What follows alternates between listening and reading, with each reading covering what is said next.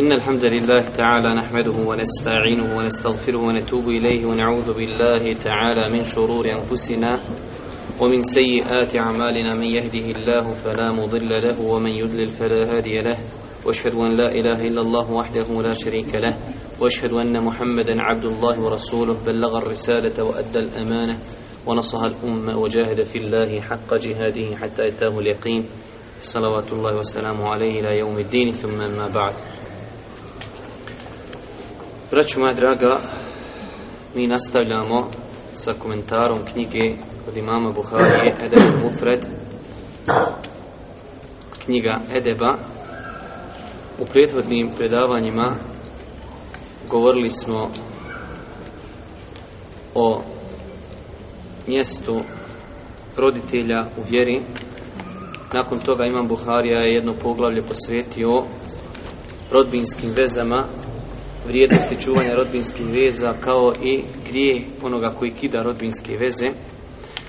Nakon toga, kao nekim hronološkim redom, Imam Buharija Rahmetullah Jalih započinje jedno poveće, preda, eh, poveće poglavlje u kojem govori samo o pravima djeci. Znači, nakon što je pojasnio prava roditelja, pa onda uzlaznom lozom, znači pravo rodbine, imam Buharija je počeo da govori o pravima oni znači koji su naniži od insana, to su njegova djeca. Mi ćemo, braću moja draga, najvjerojatnije kod ove tematike se zaustaviti malo duži Imam Buharija je spomenuo tu i dosta hadisa i mi ćemo večeras pokušati, ako Bog da samo preletjeti preko tih hadisa bez nekog većeg komentara, a nakon toga u narednim predavanjima ćemo govoriti o jednom od prava djeteta kod roditelja, a to je odgoj. Živimo u teškom vremenu, živimo u vremenu kada je zaista teško odgojiti svoje dijete iz razno raznih razloga. Jedan razlog, braću moja draga, oko kojeg ne bi trebali da se sporimo, jeste da mi ne znamo odgajati našu djecu. To što mi imamo problema na ulici, što imamo problema u školi, što imamo problema u vrtiću, to su, ajde da kažemo, stvari na koje mi djelimično ne možemo uticati. Ali je problem ondje gdje mi možemo da utičemo, a to je ne poznajemo metode i načine kako da odgajemo našu djecu. Ja sam nekada davno držao o toj tematici dosta predavanja, pa sam pitao braću ima li neko da je prije nego što se oženio i prije nego što je dobio dijete da je kupio knjigu samo o tematici odgoj djeci? I vjerujte, bar onu sjećanju, još tada nisam bio našao čovjeka koji kaže prije nego što sam dobio dijete, kupio sam knjigu o tematici samo odgoja djeci. Braću moja draga, moramo priznati da je to velika greška i normalno a onaj posljedice te greške mi vidimo na svakom koraku. Ne bi da pretjerujem, hvala uzvišom Allah subhanahu ima dosta hajra. Ja sam neki dan bio na ovoj stranici Zavoda za podatke iz federacije, pa sam se tamo zaibretio kada sam vidio top lista deset imena koja se najčešće nadjevaju u federaciji, top lista stotinu imena, kako muške, kako i ženske, zaista čovjek kroz ta imena vidi da ima inšala dosta hajra. Sve su to imena, znači vjerujte, znači imena maša. Možete otići pogledati, znači to su imena, po tome se vidi da ima inšala hajra.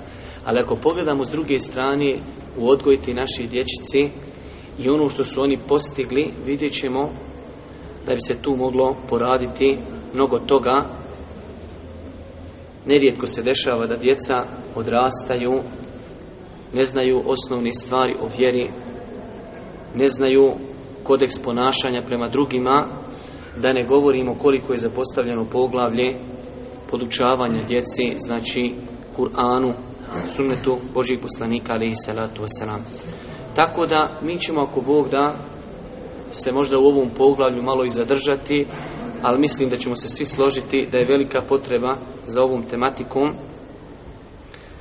Nakon toga nam dolazi poglavlje o komšiji, prava komšiji. Mislim da ovoj tematici znači treba posvetiti mnogo više pažnje nego što je pravo komšiji. Svakako pravo komši vidjet ćete veliku islamu, ali pravo djeci u islamu je veliko, naročito ako uzmemo u obzir stanje i situaciju u kojoj mi živimo, tako da ja sam odlučio ako Bog da večeras pokušamo, ako mognemo, da prijeđemo samo hadise koji imam Buhari spomenu u ovom poglavlju kako bi sa Edebul Mufredom završili.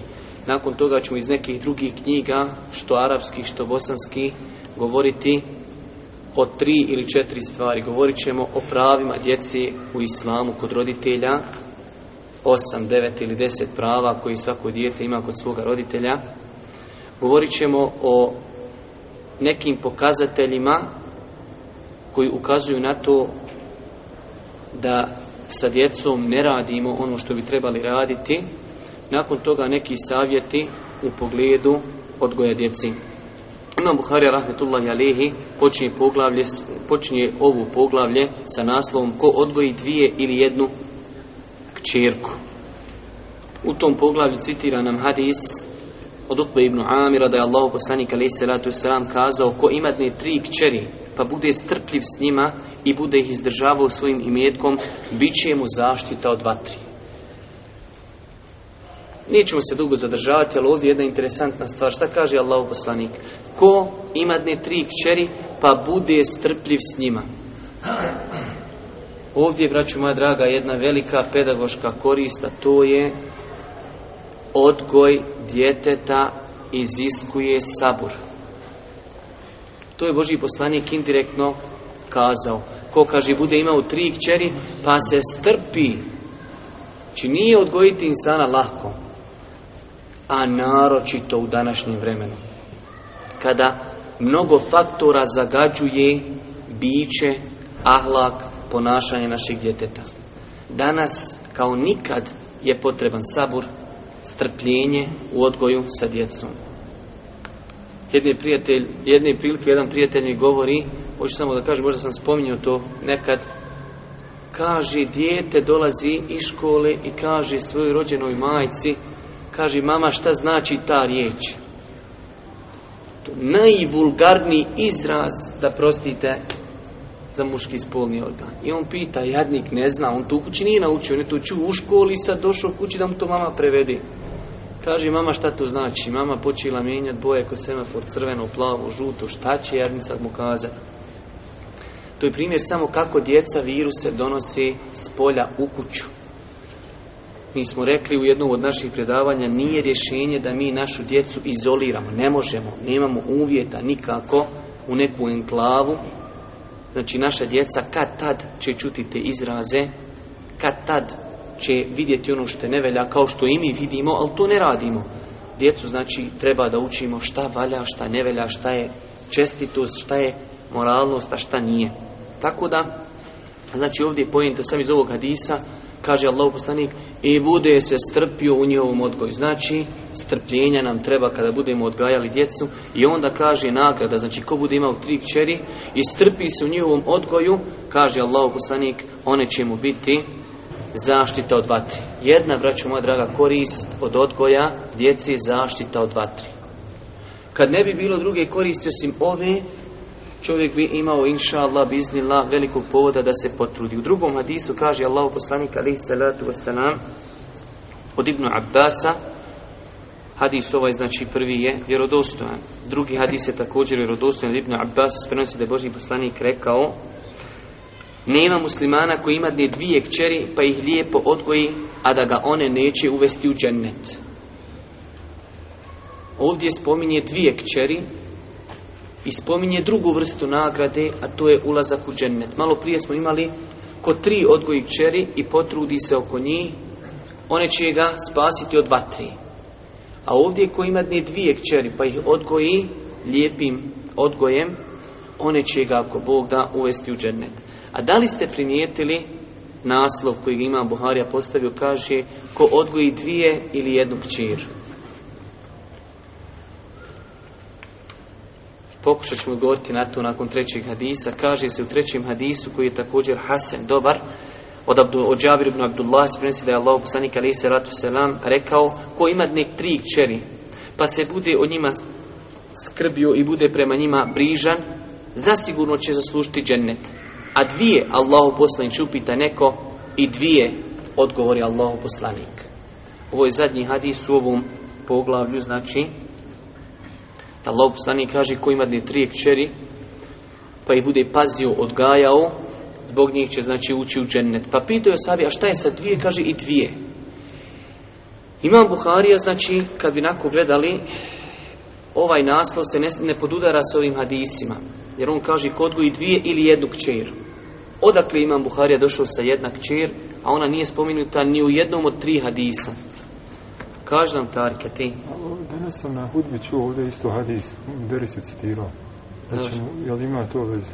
Ima veze. Imate, znači, prvo rivajet oko čije vjerodostojnosti postoji razilaženje, a to je da su rekli sabi, a jedna, pa je rekao jedna. Znači, taj hadis oko njegovog vjerodostojnosti postoji razilaženje. Ali ima vjerodostojan hadis da kažu sabi, a mi smo smatrali, da smo ga upitali za jednu, on bi rekao i jedna. Nisu upitali, ali kažu, mi smo smatrali. Oni koji su tu bili, jer oni su primijetili ambijent kakav je.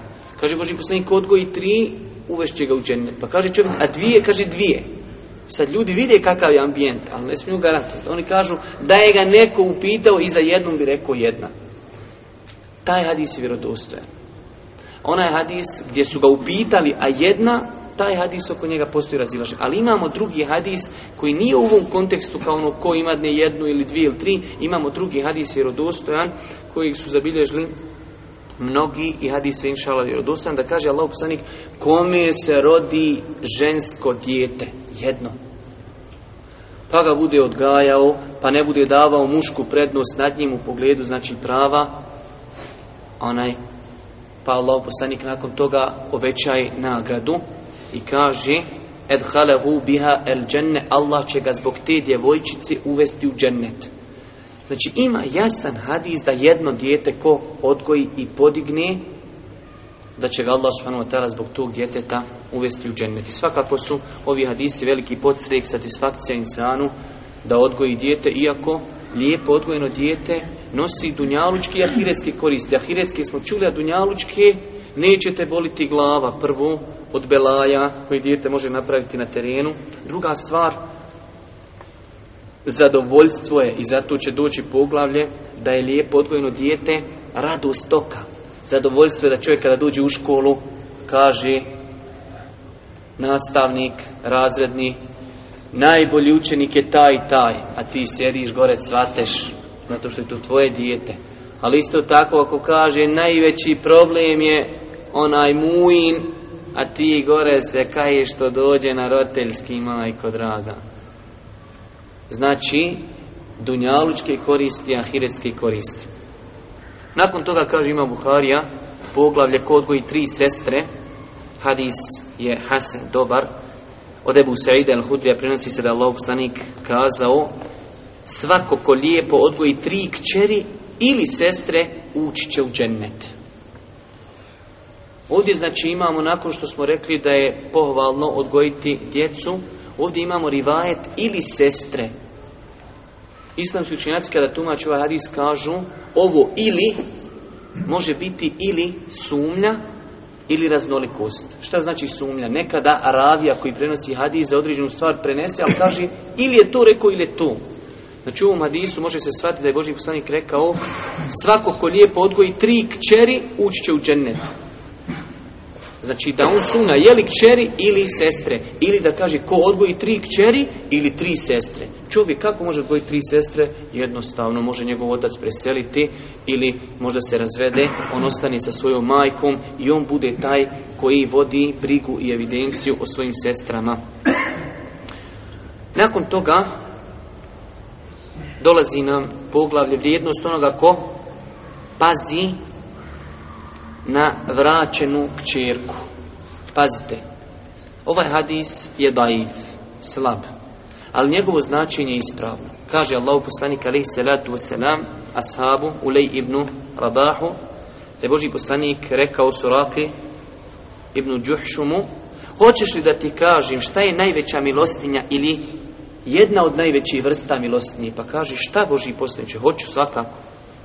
Vraćena ti kćerka o kojoj se pored tebe nema ko brinuti. Vraćena kćerka. Šta znači vraćena kćerka? Čirka koja se nakon što je napustila kuću svoga oca vratila u tu kuću iz bilo kojeg razloga. Da li iz razloga što je njen muž preselio pa ona više nema gdje biti?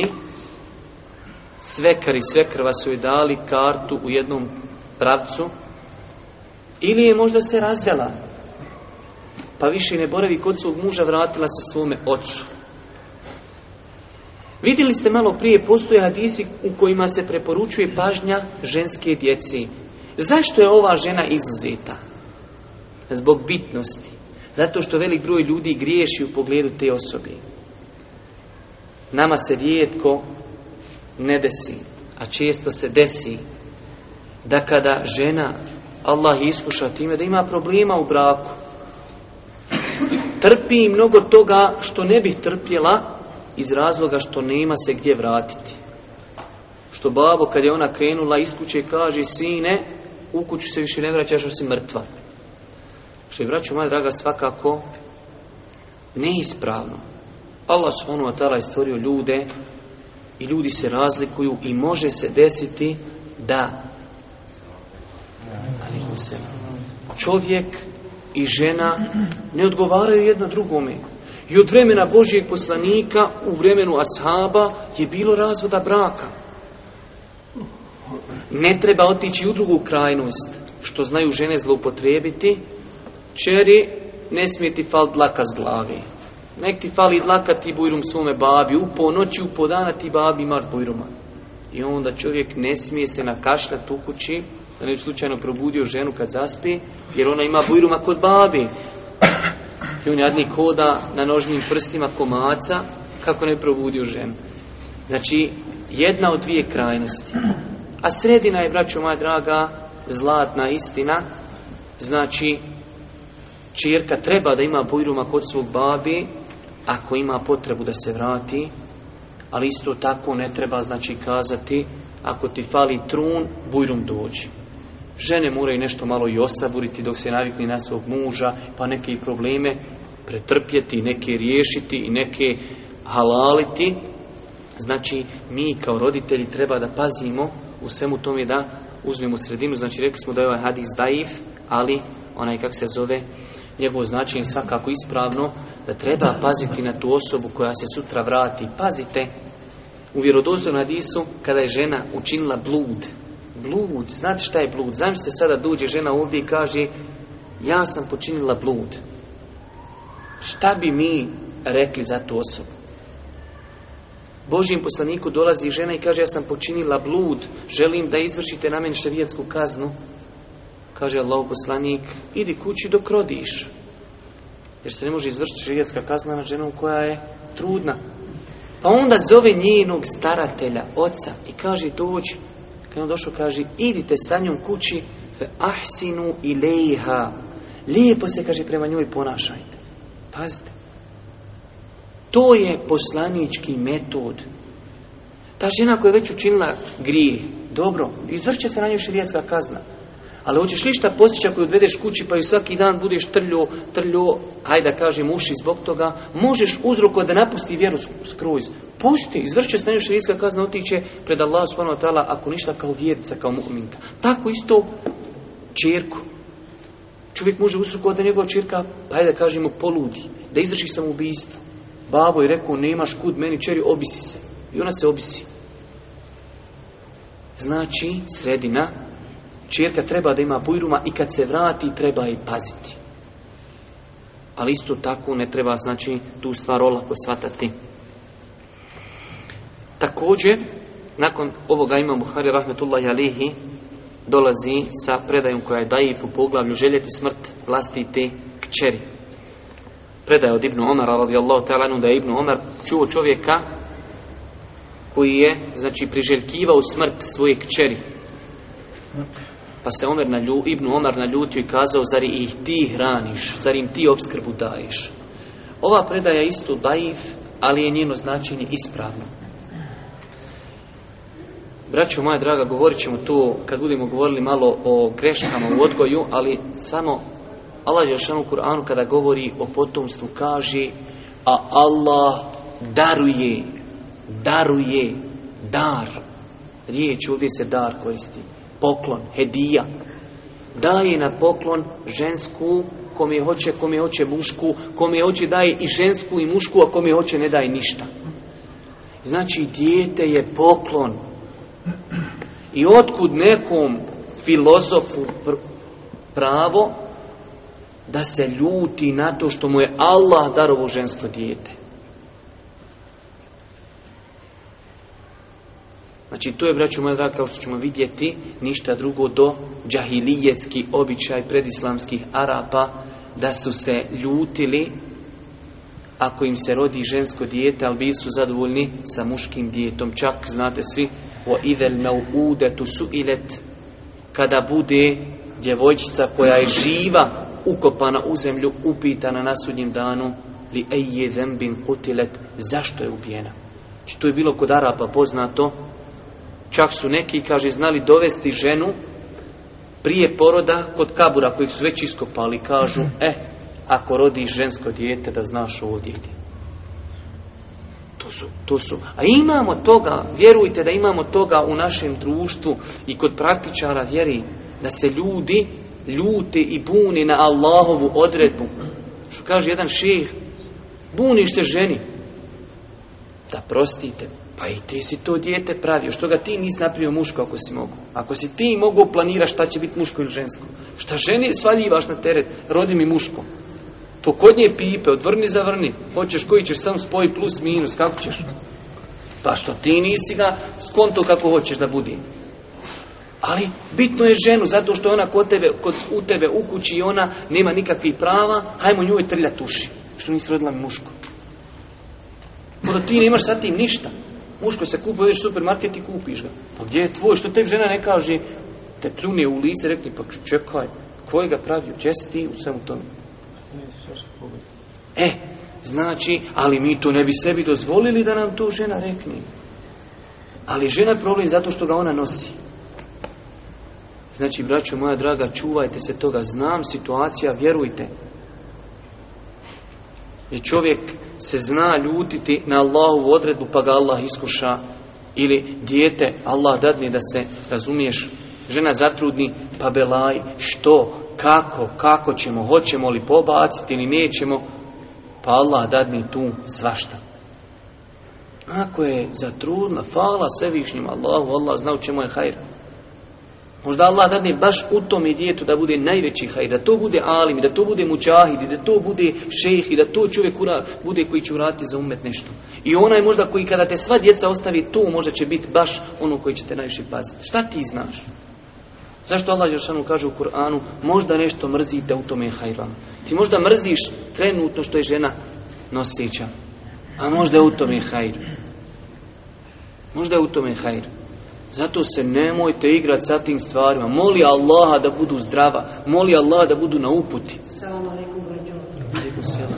Tu moli Allaha da budu zdrava. Jer ne zna niko šta je imati bolesno dijete osim onaj koga ima u kući. Moli Allah da su zdrava i moli da je Allah uputi. To dvoje ako ima dnu, ostalo ne sekiraj se za rizki, ostali stvari, to mu je propisano dok je bio u utrobi majke bude mu propisan da umre od gladi, vjeruj, kad se sa planeta sakupila, ne mogu ga spasti da umre od gladi. Umrće od gladi posto. Ali moli Allah da budu zdravi, moli Allah da im da uputu. Muško, žensko, nemoj to o tome da razmišljate.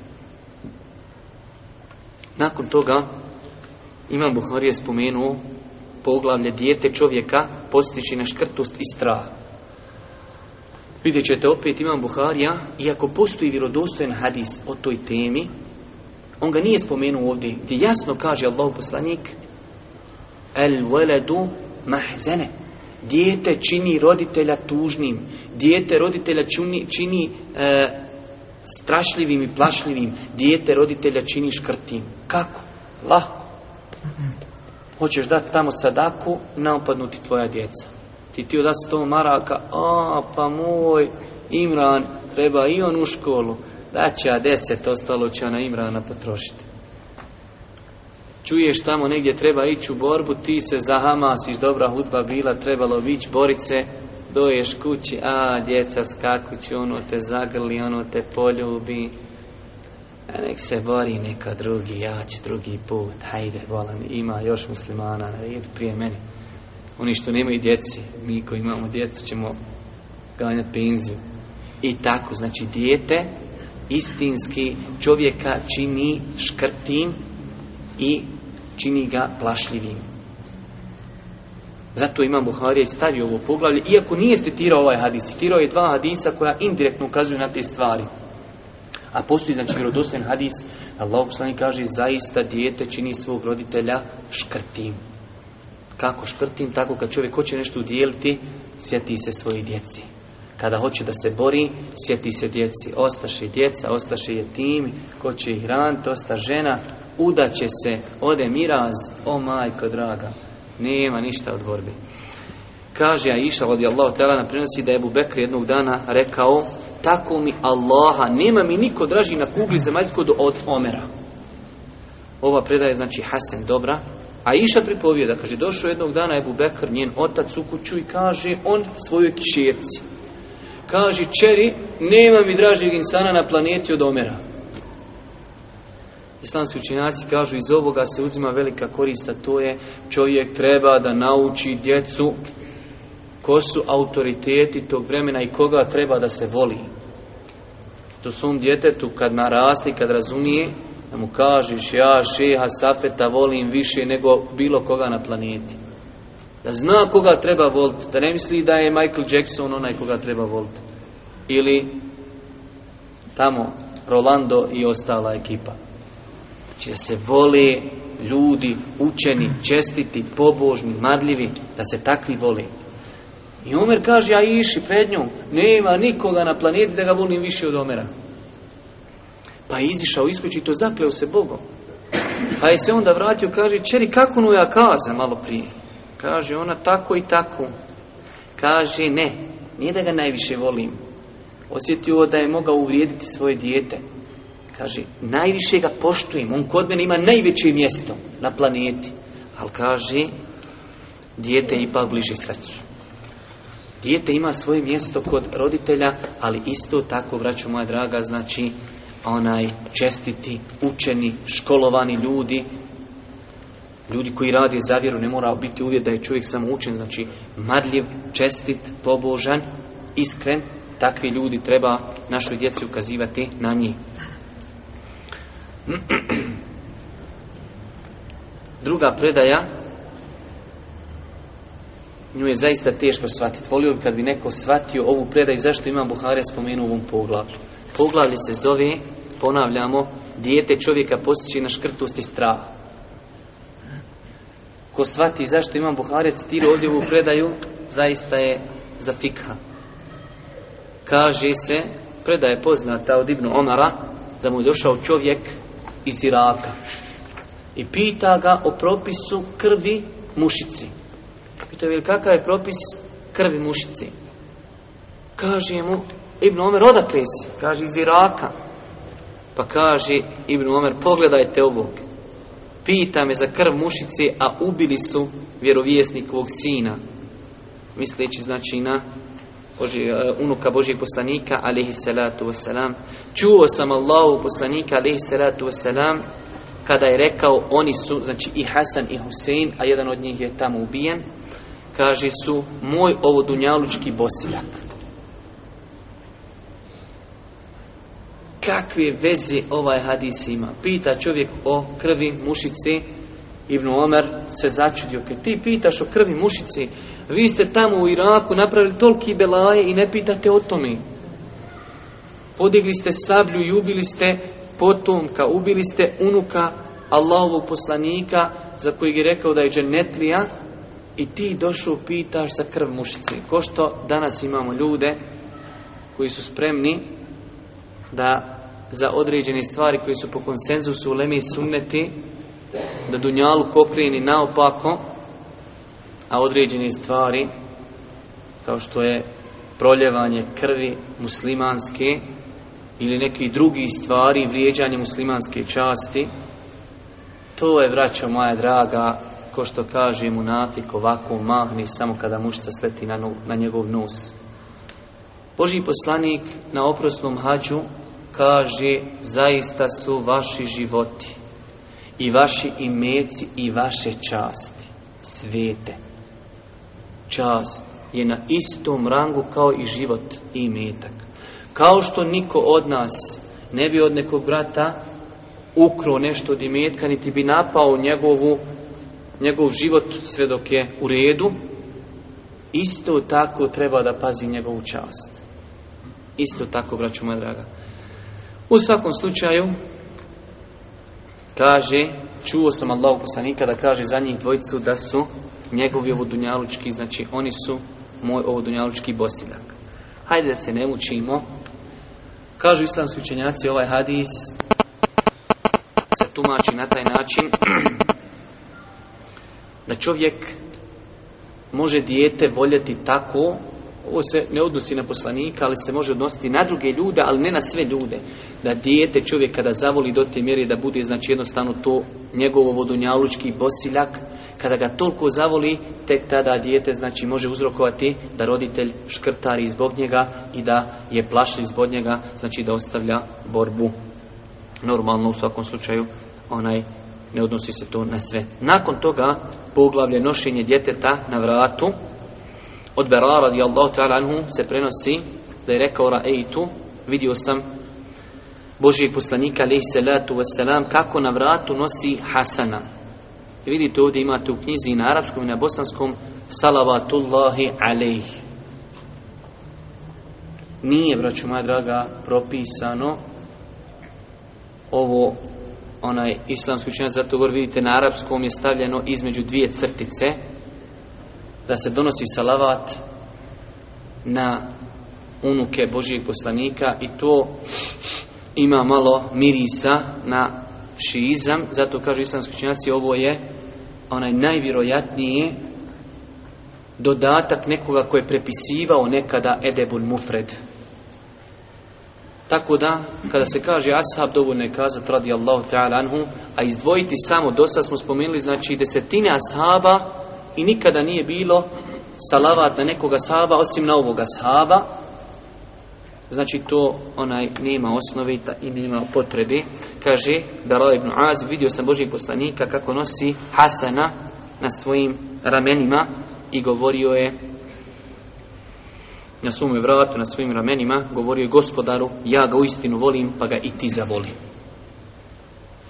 či govori Bera ibn Azib odnos Allahu poslanika prema njegovim unučadima zamislite kako bi na nas ljudi danas gledali jer ovo je vrijeme kada se normalne stvari smatraju nenormalnim, a nenormalne normalnim nikome ne zapinje za oči što staji mladić i djevojka na tramvajskoj stanici ljube se i to nikome ne smeta ali kada bi ti stavio svoje dijete sebi na rame i nosio ga zato bi mi se okrenilo sve živo i staro i mlado, rekli bi ovaj poludio.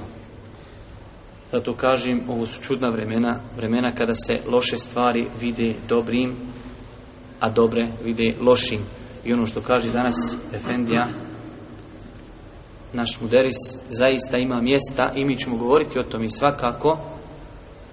Dijete odrasta, ne jede i ne hrani se mlijekom svoje majke, i sutra kad odraste, normalno, kroz njega, kroz njegovo tijelo ne teče njeno mlijeko, zato se nerijetko dešava slomio majku, udario mater, zaklo mater, izrešeto mater, zašto? Zato što je njega odranila neka kanta praha, razumiješ, i on je sav više liči na kantu i na željezo i na insana koji nema nikakve duše, zato što u njemu ono mlijeko ko više liči i nakreć nego na insana, znači, i to je, braćo moja draga, postala, nažalost, kažemo, normalna stvar kao i mnoge drugi.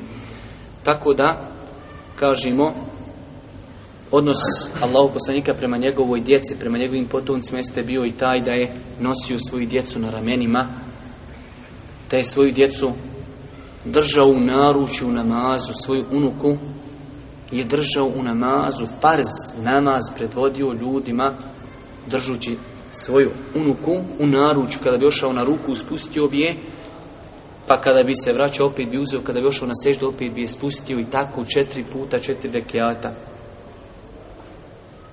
Kod nas, kad imam dovede čerku i ona fino, uljudno sjedi pored njega, opet poslije namaza neko se onaj javi nezadovoljan tim postupkom, a zamislite da kako bi bilo da je tog imama njegova čerka baš bukvalno zajahala i sjela na njega i da je on zbog toga odužio seždu ko što je odužio Boži poslanik.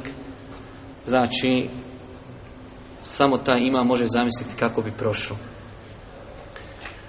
A vidimo kakve su znači relacije i odnos Božih poslanika ali se ratu nam Normalno ovdje treba naglasiti jednu stvar koja se vezuje za Ehlul Bejt, porod Božih poslanika, koji svakako pripadaju Hasan i Husein, da mi obožajemo Allaha voleći njih, i nemoj da vas slučajno neko, hajde da kažemo, zavara da mi ne dajemo pravo poroci Allahovog poslanika, ono koje oni zaslužuju, ako iko daje pravo njima ono koje zaslužuju, onda je to stav ehli sunneta vel Mi Allaha obožajemo ljubavlju prema porodci prema eh, Božih poslanika. Ali isto tako, to nije razlog da odemo u krajnost pa da smatramo da su ostali ashabi murtedi i da ostali treba proklinjati ili da su oni poroca Božih poslanika okićeni određenim božanskim svojstvima nikako oni imaju svoju vrijednost kao poroca Božih poslanika oni imaju svoju vrijednost zato što su ashabi ali isto tako, vraću, moja draga, svi ostali ashabi imaju svoju težinu, imaju vrijednost i nije dozvoljeno ni pomisliti usnu, kamoli najavi da čovjek kaže nešto loše o ashabima. Kamoli da mu toliko srce pocrni pa da je spreman pustiti svoj jezik da proklinje najveličanstvenije i najodabranije sinove ovog ummeta Ebu Bekra i Omera. Nakon toga jedna duža predaja dijete je izvor radosti, predaja od Džubeir ibn Nufeira kaže Sjedli smo jedne prilike sa Mikdad ibn El Esvedom, Mikdad ibn El Esved je ashab. Kaže, mi smo jedne prilike sjedili sa njim, u to pored nas prođe neki čovjek i reče prolazi čovjek koji nije ashab, tabi'in, i obraća se Mikdad ibn el Esvedu koji je, koji je ashab. kaže blago tim očima koji su vidjela Allahovog poslanika alihi salatu wasalam. Blago kaže tvojim, pazite ovo sad. Svi ćete se vjerovatno iznenaditi kao i ja. Čovjek dolazi Mikdad ibn el Esvedu i kaže mu blago tebi, blago tvojim očima koje su vidjele poslanika. Tako mi Allaha voljeli bismo da smo i mi vidjeli ono što ste i vi i da smo bili tamo gdje ste bili i vi. Jel čovjek išta rekao loše? Ma ništa, ne kelam, govor, ne može biti ljepši, naravno ga priviti. Kaže, blago tim tvojim očima koje su mogle vidjeti poslanika. Kamo sreće, kaže, da smo mi bili ondje gdje ste i vi bili. Ništa čovjek fina stvar. Kaže, njegove riječi rasrdiše El Mikdada, Kaže prenosioc ovi, predaje na moje zaprepaštenje. I on se po imi zaprepastio. Šta je veli čovjek rekao? Ništa nije rekao loše. Kamo sreći da sam bio. To vam je kao slučaj kad neko kaže kamo sreći da sam ja ošao studirati u Medinu. A on ne zna koliko se ljudi u Medini pokvarilo. I ne zna ni on da li bi bio on od onih, ja ne govorim ovo da sebe falim, daleko od toga Allaha, već govorim Insan ne zna. Ono što ga zaobiđe, šućuraj. Ono što te pogodi, šućuraj opet. Koliko se ljudi pokvarilo kad je otišlo u Medinu. O tome ćemo drugi put. Kaže, na moje zaprepaštenje, jer čovjek nije ništa loše rekao. Pa se, kaže, okreni da njemu nakon što se naljutio. Šta čovjek, šta čovjeka goni da priželjkuje nešto što je Allah dao da ga mi mojiđe. Šta je to vama, veli ljudi? Što priželjkujete nešto što vas je mi išlo? Hm, hajmo dalje.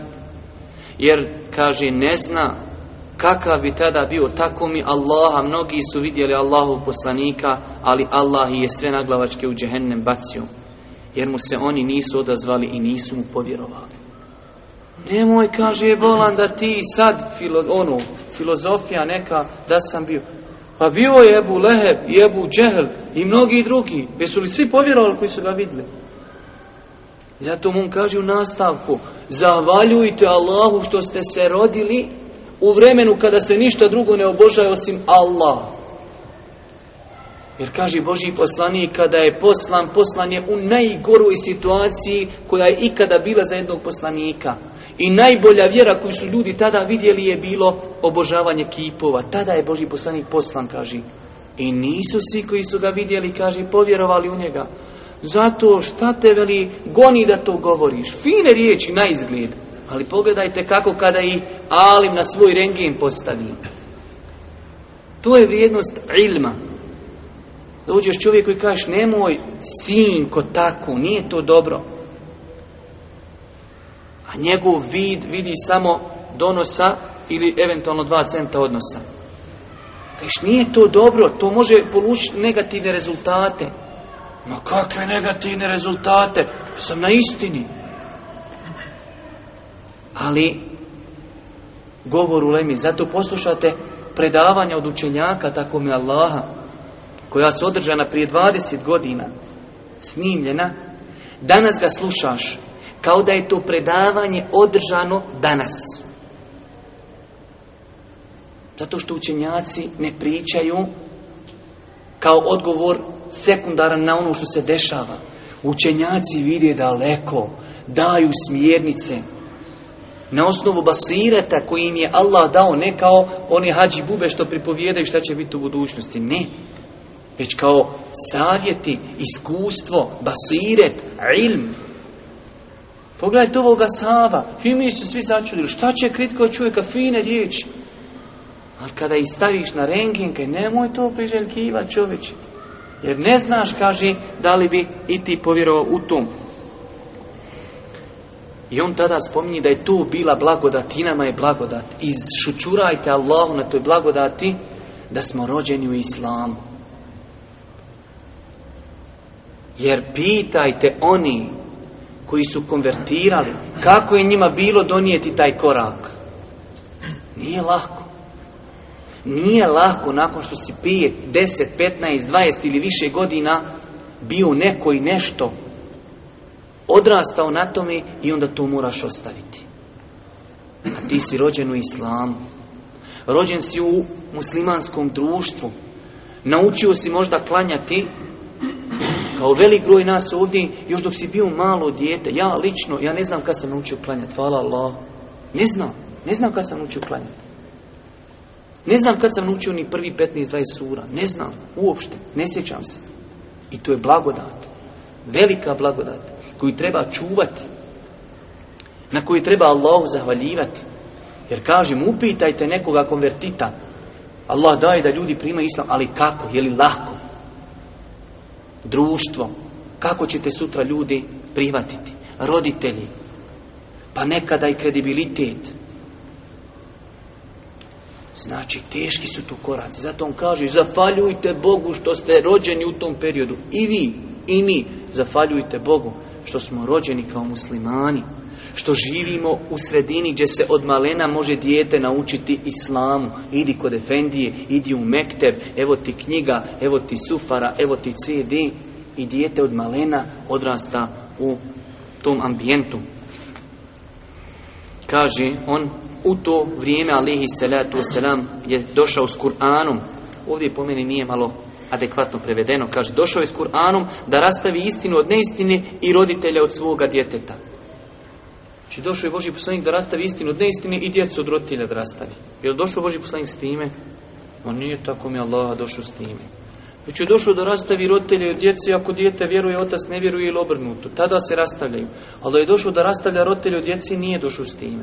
Došao je da rastavlja istinu od neistine i došao je da rastavi, znači, batil ljudi koji hoće da vjeruju i da se odvoje od onih koji ne vjeruju. Ovako, bukvalno prevedene i da rastavi roditelja od svoga djeteta, to je malo pomeni meni suhoparno. Kaže, mnogi su gledali svoje roditelje, djecu i braću u nevjerstvu i znali su da će, ako umru, ući u vatru, dok je njihovo srce uzvišeni uspinju, ispunju imanom, vjerom. Niko se nije veselio tome, jer je znao da će njegovi najbliži biti u vatri. O tome uzvišeni i govori i oni koji govore gospodaru, naš podari nam u ženama našim i djeci našoj radost oka. Znači, ovaj ovo poglavlje Imam Buhari citirao samo zbog ovoga na kraju ajeta gdje govori da su asabi čiji roditelji, rodbina, djeca nisu bili muslimani, molili su Allaha da uputi njih kako bi nakon toga oni postali radost njihovog oka, a to je ovo dijete, izvor radosti, dijete, radost oka svoga roditelja, onda kada? Kada vjeruje. I nema, hajde kažemo, težeg musibeta roditelju, iako Roditelj treba da zna i govorit ćemo i o tome da je uputa od Allaha. A od nas je terbija i odgoj. I čovjek će biti nagrađen za svoj odgoj makar dijete bilo nevjernik. Tvoje da se potrudiš. A hoće li mu Allah ukazati napravi put, ti nemaš ništa sa tim zato što tu nije mogu u poslaniku rati, a kamol ti.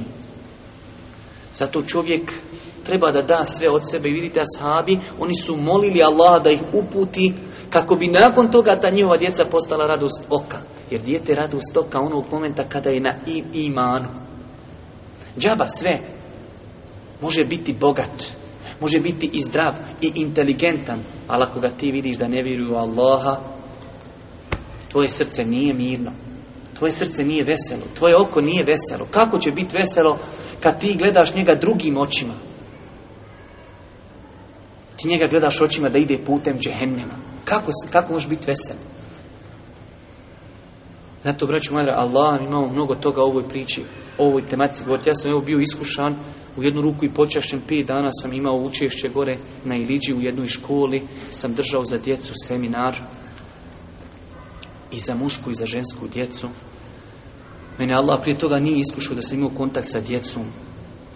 I vidio sam znači mnogo toga za pet dana, samo po jedan čas za muške i za djevojčice, vidio sam mnogo toga. Vidio sam, braću moja draga, djeci pričaš, ali iz razno raznih faktora to ne nalazi mjesta, nema puta ka njihovom srcu, nikako.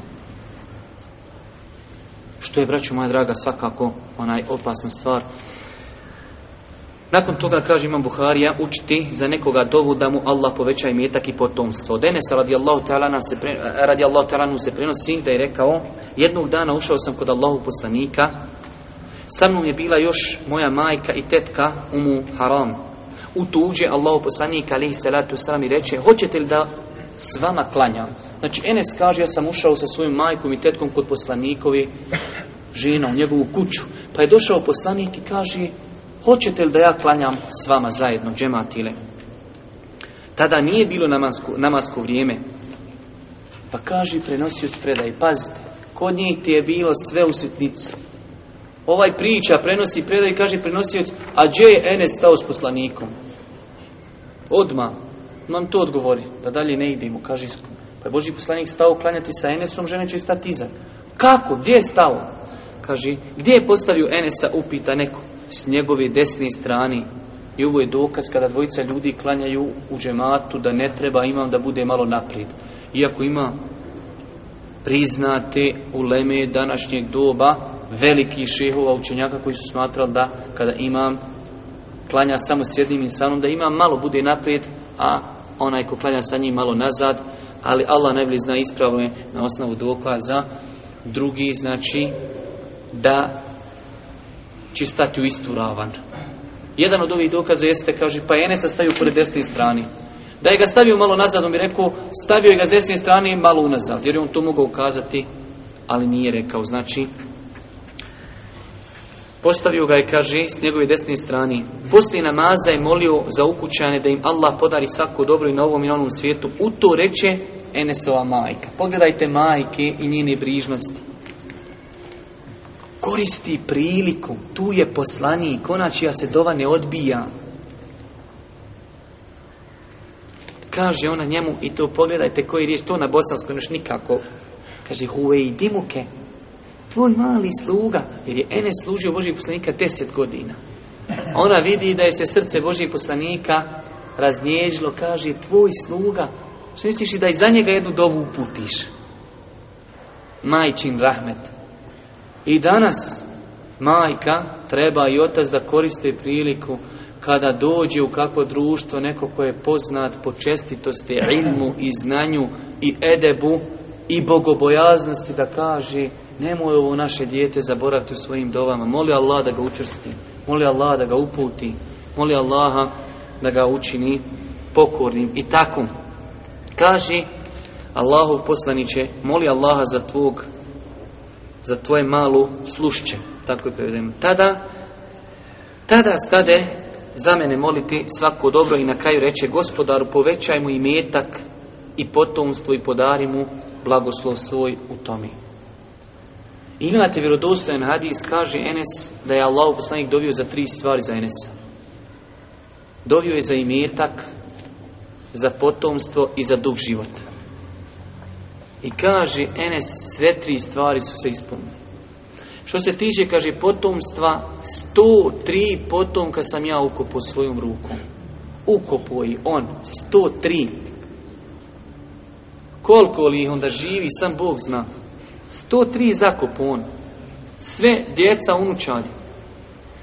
Kaže, što se tiče imetka, postao sam najbogatiji, jedan od najbogatijih, kaže, sva čija, znači, plodovi i drveće, u svakoga po jednom godišnje kod mene dva puta rađa, kaže. Sve plodovi. A kaže koliko sam ostario, više me sti ljudi odat po, zemlji. Sve vjerodostojne predaje. Ispunilo se da je ostario, ispunilo se, jer Boži poslanik mu dovio za dug život. Ispunilo se da je imao puno potomaka i ispunilo se da je se obogatio. Ovdje, zašto ima Buharija citira ovaj hadis u ovom poglavlju? Brižnost majke za djetetom da je spremna, znači u svakom momentu da se žrtvuje za njega, pa čak i da traži od učenih čestiti da upute dovu za njega. Nakon toga predaja majke su milostive. Od Enes ibn Malika radijallahu ta'ala se prenosi da je došla žena kod Aiše radijallahu ta'ala anha pa iša Aisha da, dala je na poklon tri datule. Ona svakom dječaku, znači imala je dva dječaka, dade po jednu datulu, a za sebe zadrži onu jednu.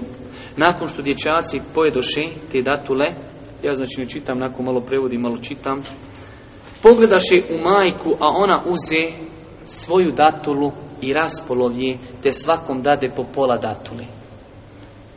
To, vraću moja draga, nema na planeti. To ti može mati dati.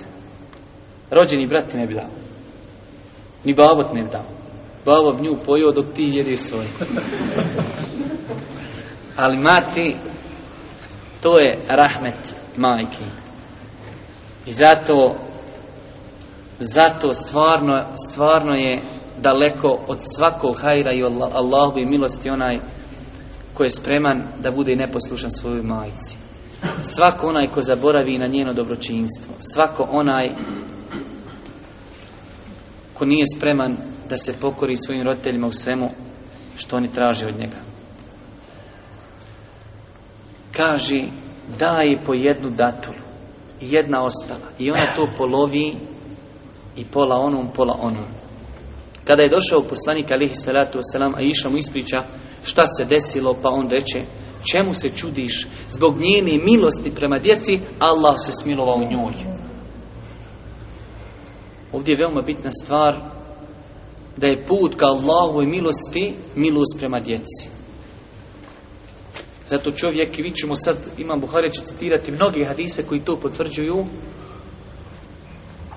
da je jedan od načina kako čovjek da zadobije rahmet uzvišnog Allaha i milost jeste milost prema djeci. iz ovog hadisa normalno, Imam Buhar ga je citirao iz dva razloga, znači iz razloga da vidimo koliki je rahmet majke prema djetetu, njen odnos prema djetetu da je spremna da gladuje, da je spremna da, da mu da zadnju datulu koju ima Znači tu je rahmet majke, a s druge strane ovaj hadis nosi sa sobom veliku, veliku korist, znači hadis je vjerodostojan svakako.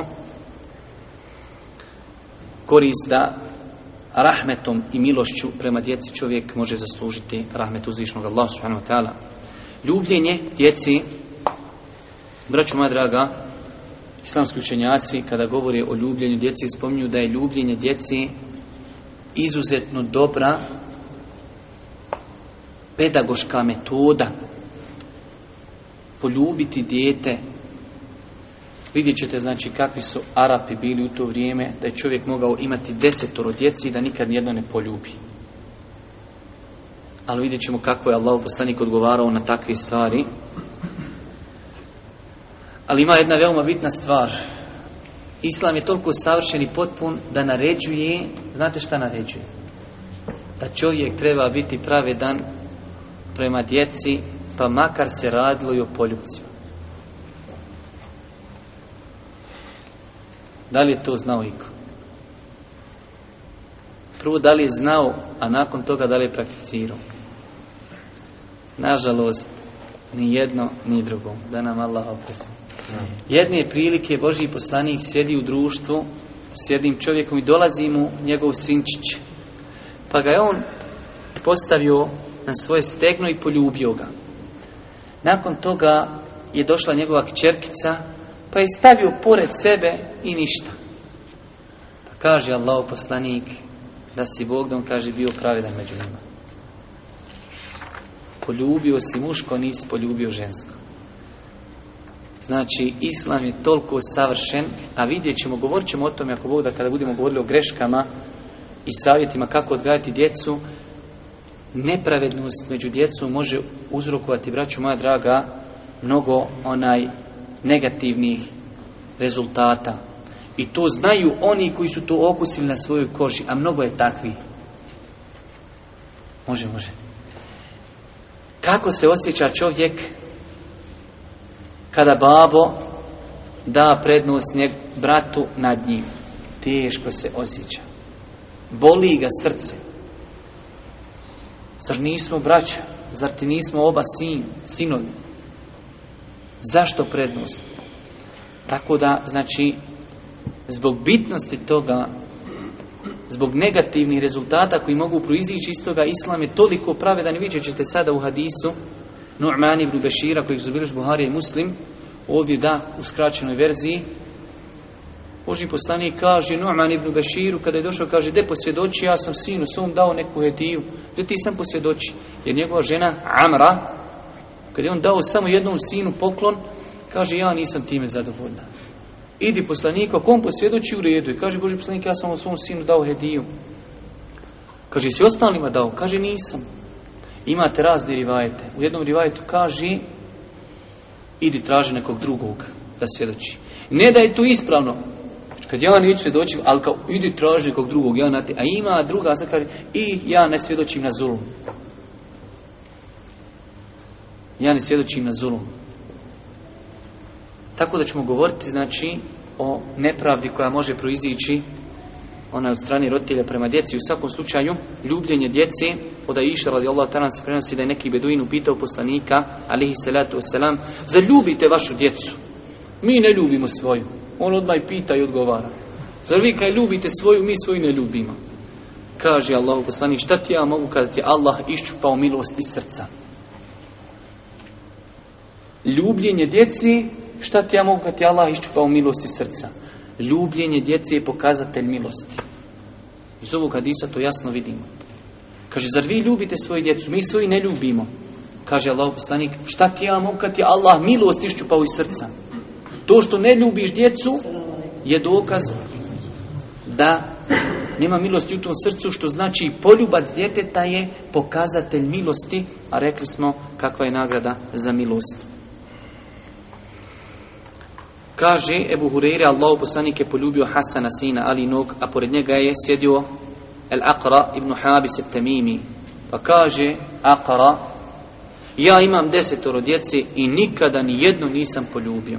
Allahu poslanik pogleda pa reče, ko ne bude milostiv prema njemu, ko ne bude milostiv prema drugima, njemu se milost neće ukazati. Znači jasan odgovor, braćo moja draga. Ja se bojim. Hajde, kratko ćemo imamo još par hadisa. Oni su otprilike svi u ovom kontekstu nekom. Kodeks ponašanja oca prema djetetu.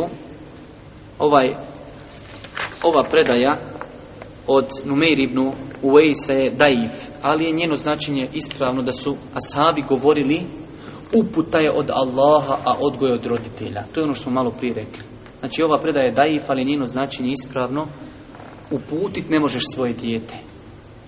Ali možeš ga odgojiti i možeš mu lijepim islam prikazati i možeš ga odmalena usmjeriti putevima islama. A da li će Allah dati nur hidajeta u njegovom srcu? To je do Allaha.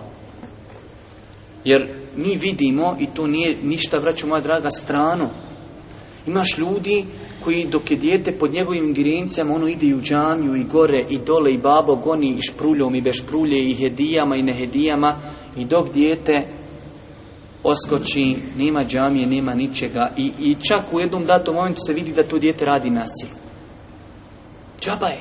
Nema hidajeta, poslanici su bili poslanici nisu mogli svoju djecu uputiti. Nuh Selam nije svoje dijete mogao uputiti. I Boži poslanik, Allah Žešan mu kaže, ti ne možeš uput koga hoćeš. Svog Amidžu koji mu je toliko valjo, nisi mogu uputiti. Ali to nije razlog da svojoj djeci na najljepši način ne prezentujemo islam. Od rane mladosti da usađujemo iman u njihovo srce. Na način kako bi to trebalo da činimo.